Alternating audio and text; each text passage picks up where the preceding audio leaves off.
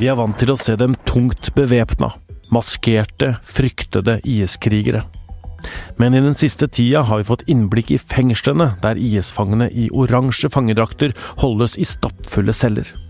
Nå har Tyrkia begynt å sende IS-krigerne hjem. Jeg heter Tor Erling Tømt Ruud, og dette er Verdens gang.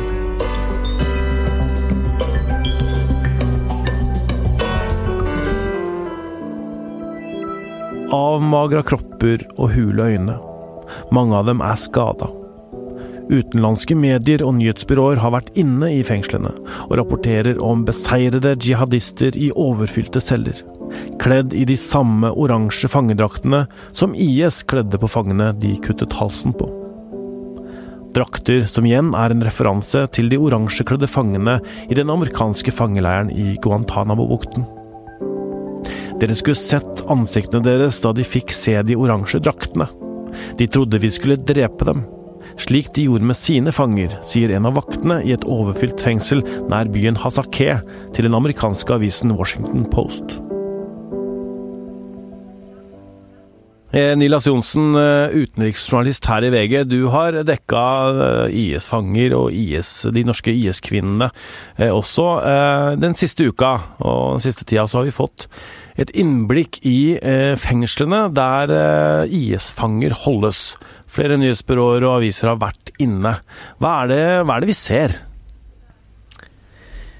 Det bildene viser, er flere 100 mennesker stuet sammen som kveg, ligger tett i tett. Eh, det som var terrorkrigere som hele verden fryktet, ligger nå kledd i oransje fangedrakter. Eh, anføttes i overfylte celler. Eh, dette er menn som er beseiret. mange av de har fortsatt krigsskader, selv om det har gått flere måneder siden Eh, de var i kamp. Det er jo omtrent et halvt år siden nå at eh, IS eh, ble beseiret i byen Baghuz. Men det er også barn, og det er det mest bekymringsfulle med disse reportasjene fra IS-fengselet, er at vi ser veldig unge barn.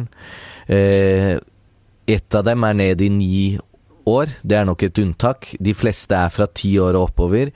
Eh, og de aller fleste av dem er tidlig i tenårene. Men like fullt, dette er barn som sitter under eh, umenneskelige forhold. Og hvis man er redd for at eh, disse IS-tilknyttede mennene eh, og barna eh, skal bli ytterligere radikalisert, så er det i hvert fall nøyaktig det man oppnår når man eh, behandler disse fangene på den måten. Ja, For det er snakk om flere tusen mennesker? Ja, det er anslag at det er 12 000 fanger, hvorav 2000 av dem eh, ikke er fra verken Syria eller Irak. Eh, det betyr at de er fra, de aller fleste av dem, eh, fra eh, Europa, eh, Sentral-Asia og eh, Afrika. Veldig mange av dem er fra Europa. Europeiske land har nektet å hente dem hjem. Eh, og derfor eh, sitter de nå i disse fengslene i et slags sånn juridisk ingenmannsland i Syria. En 14 år gammel syrisk gutt griper mot vinduet i cellen hans og sier til reporterne i Washington Post 'Jeg vil ikke være her. Vær så snill'. En annen 14-åring fra Irak snakka med avisen i sykeklinikken i fengselet. Han hadde sendt et brev til moren sin gjennom Det internasjonale Røde Kors men hadde ikke fått noe svar. Jeg er lei meg, jeg er bare trist, sa han mens tårene rant. Jeg ønsker bare å se henne.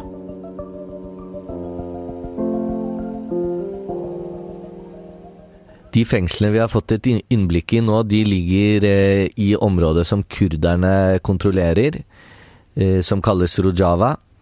Eh, og som vi vet har vært under sterkt press etter at Tyrkia invaderte for omtrent en måned siden. Eh, og har eh, drevet kurderne på retrett. Eh, men der hvor fengselet ligger, der har kurderne fortsatt kontroll. og disse fengslene, da med mannlige IS-medlemmer, og som jeg nevnte, noen av dem unge gutter, de ligger ikke langt fra den velkjente Al-Hol-leiren, der kvinnene fra IS og yngre barn holdes. Veit vi noe om hvordan disse fengslene er organisert, om de får nok mat, vakthold osv.? Det er den samme kurdiskdominerte SDF-militsen som har ansvaret for vaktholdet inne i eh, fengslene. Eh, og det er eh, kun Den internasjonale Røde Kors-komiteen, ICRC, som får tilgang til disse fangene, ikke de andre hjelpeorganisasjonene som er i, eh, i området. Det er mange av disse organisasjonene eh, blant, eh, annet norske organisasjoner som Flyktninghjelpen, Kirkens Nødhjelp, også Norges Røde Kors, som eh, bidrar aktivt inn til å avhjelpe situasjonen i denne Al-Hol-leiren. Eh, og særlig Norges Røde Kors er, er, tungt til stede på bakken. Men det er da altså kun Den internasjonale Røde Kors-komiteen som får tilgang til disse fengslene. Så hvordan forholdene er der, eh, vet man ikke så mye om, annet enn at man kan se på bildene eh, at mennene er veldig avmagret. Uh, og det er helt åpenbart, og det legger ikke myndighetene skjul på, at uh, forholdene er for dårlige. De sanitære forholdene, f.eks. For uh, og det er jo når man ser at i en celle f.eks. ligger 100 menn tett i tett, de har nesten ikke plass til å snu seg, madrassene deres, tynn, syltynne madrasser på gulvet, ligger helt inntil hverandre, og så i enden av den ene cellen kan man se latrinen bakerst, da. og under sånne forhold så er det jo uh, klart at uh, dette er kritikkverdige forhold, og det legger ikke kurderne skjul på. De sier 'hvordan kan verden ha overlatt oss til et sånt sted'? Disse fangene sitter fra hele verden, og det er vi som må passe på dem.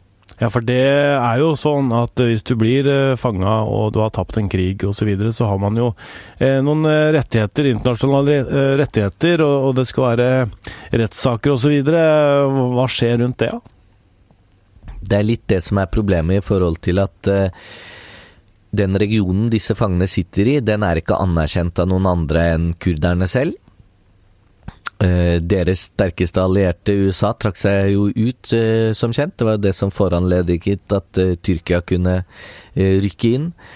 da Tyrkia rykket inn, så måtte kurderne gå til Assad-regimet og Assad-regimets russiske allierte. Så da har man fryktet at dette området skal falle under eh, Assad-regimets kontroll. Og da er både kvinnene i Al-Hol-leiren, også de norske, som jeg eh, har en del kontakt med, eh, veldig engstelige for hva Assad-regimet skal gjøre. Og når det gjelder disse fengslene, så sier en av fangene til til dette internasjonale nyhetsbyrået AFP, som har vært inne, at hvis eh, Assad-regimet overtar, da er det helt sikkert hva som skjer. Da blir det massehenrettelser. Eh, for det er slik regimet fungerer. Mens hvis det er kurderne som beholder kontrollen, så vet man ikke helt hva som vil skje, fordi de har ikke noen anerkjent eh, internasjonal eh, straffetribunal. De har bedt om eh, hjelp til å opprette det, men det vil være et, eh, et langt lerret å bleke å få det på plass. Eh, så et siste alternativ som er blitt nevnt, er å sende dem til Irak. Vega har fulgt eh, noen av rettssakene mot IS-medlemmer i Irak. Og selv om vi må huske at dette er folk som har tilhørt en grusom terror her, så fortjener de fortsatt en rettferdig rettssak. Og når vi fulgte de rettssakene, så fortalte fangene i Irak at de hadde tilstått under tortur. Like fullt, de ble dømt til døden på under en halvtime. Mm. Så da, i verste fall, så, så risikerer disse fangene dødsstraff. Ja, hvis enten Assad-regimet overtar, eller de blir sendt til Irak, så er det veldig sannsynlig. Men nettopp eh, frykten for at eh, europeiske borgere, som jo da er en liten del av det totale antallet, men eh, frykten for at de skal på en måte bli dømt til døden i en rettssak som er eh, kritikkverdig, eh, det på en måte holder dem i live. For derfor så eh, motsetter jo europeisk seg land at disse fangene skal sendes ut av den kurdiske regionen. Så spørsmålet er bare hvor lenge kan kurderne holde på dem? Hvor lenge kan eh, Vesten og europeiske land sitte og se på dette, da? Nei, det er et spørsmål som alle de europeiske landene klør seg i hodet over det er jo knyttet til på en måte skjebnen til, eh, til IS-kvinnene som har vært mer oppe i lufta. Eh, F.eks. når det gjelder disse fangene, da, så er det jo sånn at eh, vi vet ikke, Utenriksdepartementet vet ikke om noen norske fanger som sitter verken i Syria eller i Tyrkia. Tyrkia har nå overtatt deler av området som kurderne hadde, og de har også en del IS-fanger inne i sine egne fengsler. Nå er det mandag formiddag, Nilas, når vi sitter og prater om dette her, og vi får nå rapporter om at uh, Tyrkia har begynt å sende hjem IS-fanger. Hva veit vi, da? Ja? Jo, Tyrkia de varsla allerede i forrige uke at uh, de er ikke noe hotell for andres uh, IS-krigere. og de har stått ved sitt ord, og de har begynt å deportere da IS-krigere til hjemlandet. Den første er satt på et fly til USA. Uh, og de sier at uh, sju tyske statsborgere vil bli sendt hjem på tirsdag. Og at uh, de jobber med å sende hjem elleve til Frankrike. Og at de også har IS-krigere fra Irland og Danmark klare til å deporteres.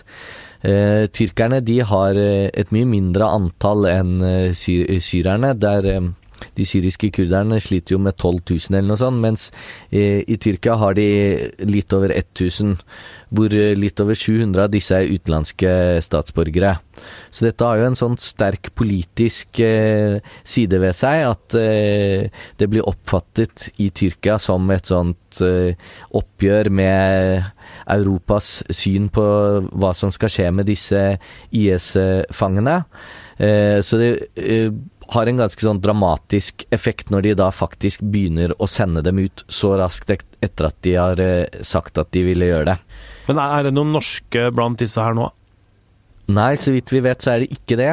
UD fortalte til eh, oss på fredag at eh, de hadde ikke oversikt over noen norske statsborgere som satt fengslet i Tyrkia. Det vi vet er at tidligere har en norsk IS-kriger, etnisk norsk fra Trøndelag, eh, sittet eh, fengslet en kort periode i Tyrkia. Da var jeg oppe i fengselet der eh, selv, i Gaziantep, nær eh, grensen til Syria. Han var en norsk IS-kriger som eh, valgte å hoppe av fra IS, og som satte seg på en motorsykkel og kjørte gjennom ørkenen mot den tyrkiske grensen. Der hvor ifølge advokaten hans, som jeg snakket med, så visste han godt at han kom til å bli pågrepet, men han så på det som sin eneste mulighet til å komme seg ut. Han hentet Norge hjem. Eh, han ble terrordømt eh, her, eh, etter å ha blitt utlevert til Norge. Og så vet vi om at det sitter en med norsk tilknytning i et, et av fengslene i Syria. Og det er en som heter Oleg Neganov. Han var en nynazist i Norge med russisk bakgrunn og permanent oppholdstillatelse i Norge. Men han skal ha mista denne permanente oppholdstillatelsen, eh, og ettersom han er russisk statsborger, så er det ikke aktuelt at han blir hentet hjem til Norge. Eh, og utover det så vet vi ikke noe om eh, norske fanger, verken i, i Tyrkia eller i Syria.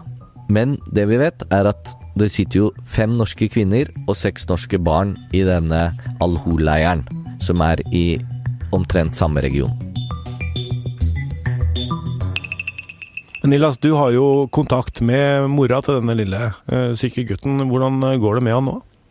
Nei, Han er fylt fem år eh, nå nettopp, og på de siste bildene jeg fikk, så er han mindre enn søsteren på tre. Og det sier vel ganske mye om den alvorlige helsesituasjonen for ham. Han veier ikke stort mer enn en norsk ettåring, så for ham haster det å bli hentet hjem. Nilas Johnsen, du snakker på inn- og utpust. Det var veldig eh, bra med en oppdatering fra IS-fangene. Hva blir det neste nå, tror du? Oi, det er vanskelig å svare på. Jeg tror Norge kommer til å fortsette å, å, jobbe i kulissene og stå klare den dagen det er både politisk mulig i Norge og ikke minst praktisk mulig i Kurdistan. Så tror jeg de står klare til, til å gjøre en økt innsats for i hvert fall hente den syke gutten hjem. Eh, og da blir det trolig at akkurat moren hans får komme hjem i første omgang. Det, det tror jeg vil skje i løpet av noen måneder. Takk skal du ha.